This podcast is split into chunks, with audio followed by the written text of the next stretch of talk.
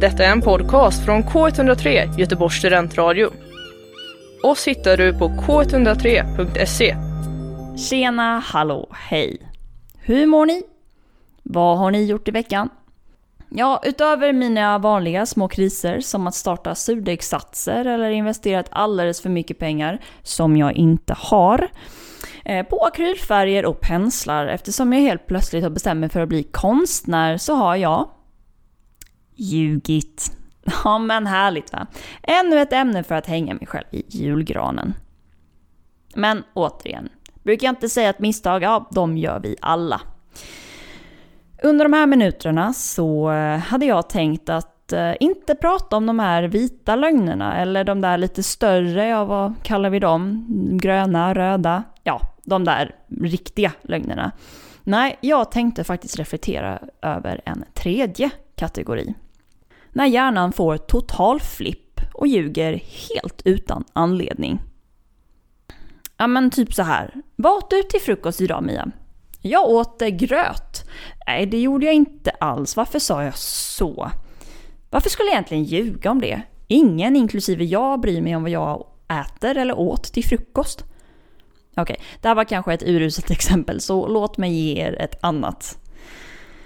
Låt mig presentera Mia på arbetsintervju.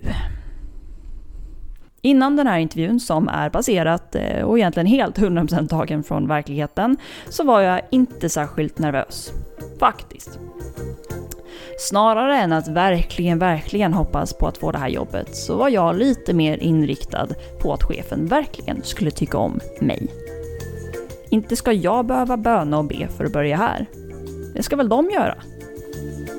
Ja, hur rimligt det här är, det kan ni väl tänka ut själva. Särskilt eftersom jag nog har haft den här attityden ända sedan jag egentligen inte haft någonting vettigt på mitt CV. Ja, ja, men det var det. Efter att vi skakat hand sådär propert och utbytt ett par artighetsfraser så började vi småsnacka.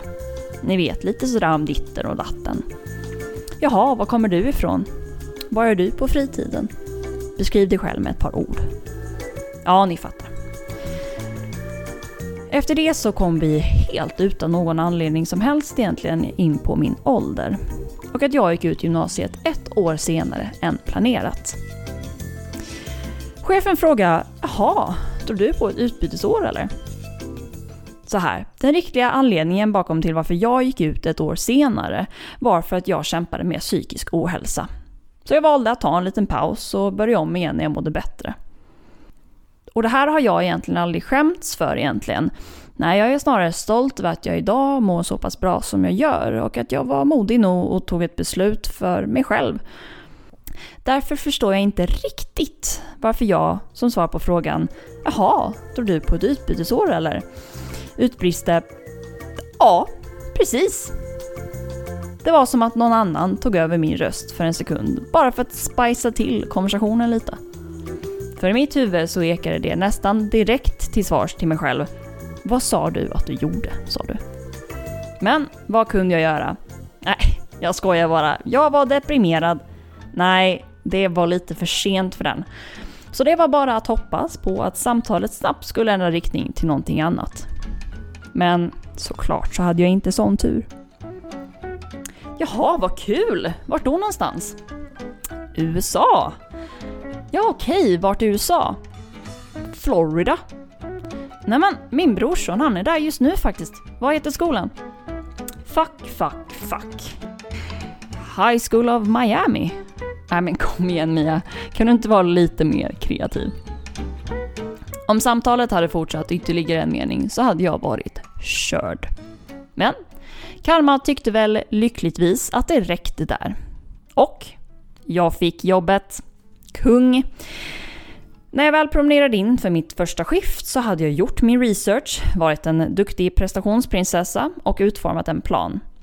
Självklart hade jag också direkt efter jag lämnat arbetsintervjun skrivit ner High School of Miami i min telefon.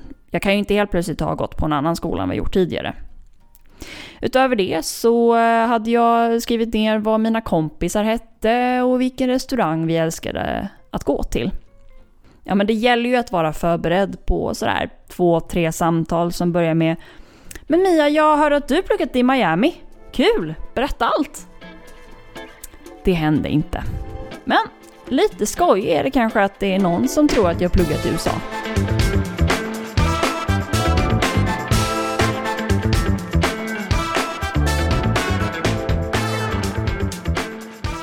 Du har hört en podcast från K103 Göteborgs studentradio. Du hittar alla våra program på k103.se. Följ oss på Facebook eller Instagram.